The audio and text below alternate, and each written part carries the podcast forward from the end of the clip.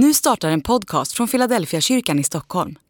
Om du vill komma i kontakt med oss, skriv gärna ett mejl till hejfiladelfiakyrkan.se. Dag 119. Transaktion eller relation. Ty Gud försonade hela världen med sig genom Kristus. Han ställde inte människorna till svars för deras överträdelser och han anförtrodde mig budskapet om denna försoning. Jag är alltså Kristi sändebud och Gud manar er genom mig. Jag ber er på Kristi vägnar, låt försona er med Gud. Han som inte visste vad synd var, honom gjorde Gud till ett med synden för vår skull, för att vi genom honom skulle bli till ett med Guds rättfärdighet. Andra Korintierbrevet kapitel 5, vers 19 till 21. Jag tror inte på frälsningen, jag tror på frälsaren. Jag tror inte på korset, jag tror på den korsfäste.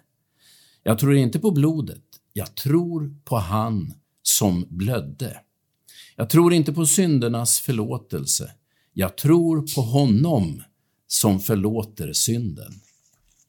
Jag vet att det kan låta som hårklyveri, men för mig är skillnaden viktig. Visst tror jag på syndernas förlåtelse, men inte som om det vore en opersonlig transaktion.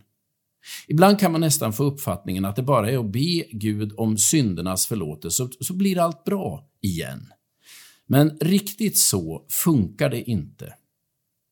Syndernas förlåtelse är inte någon sorts andlig skuldtransaktion. Syndernas förlåtelse förmedlas via en personlig relation.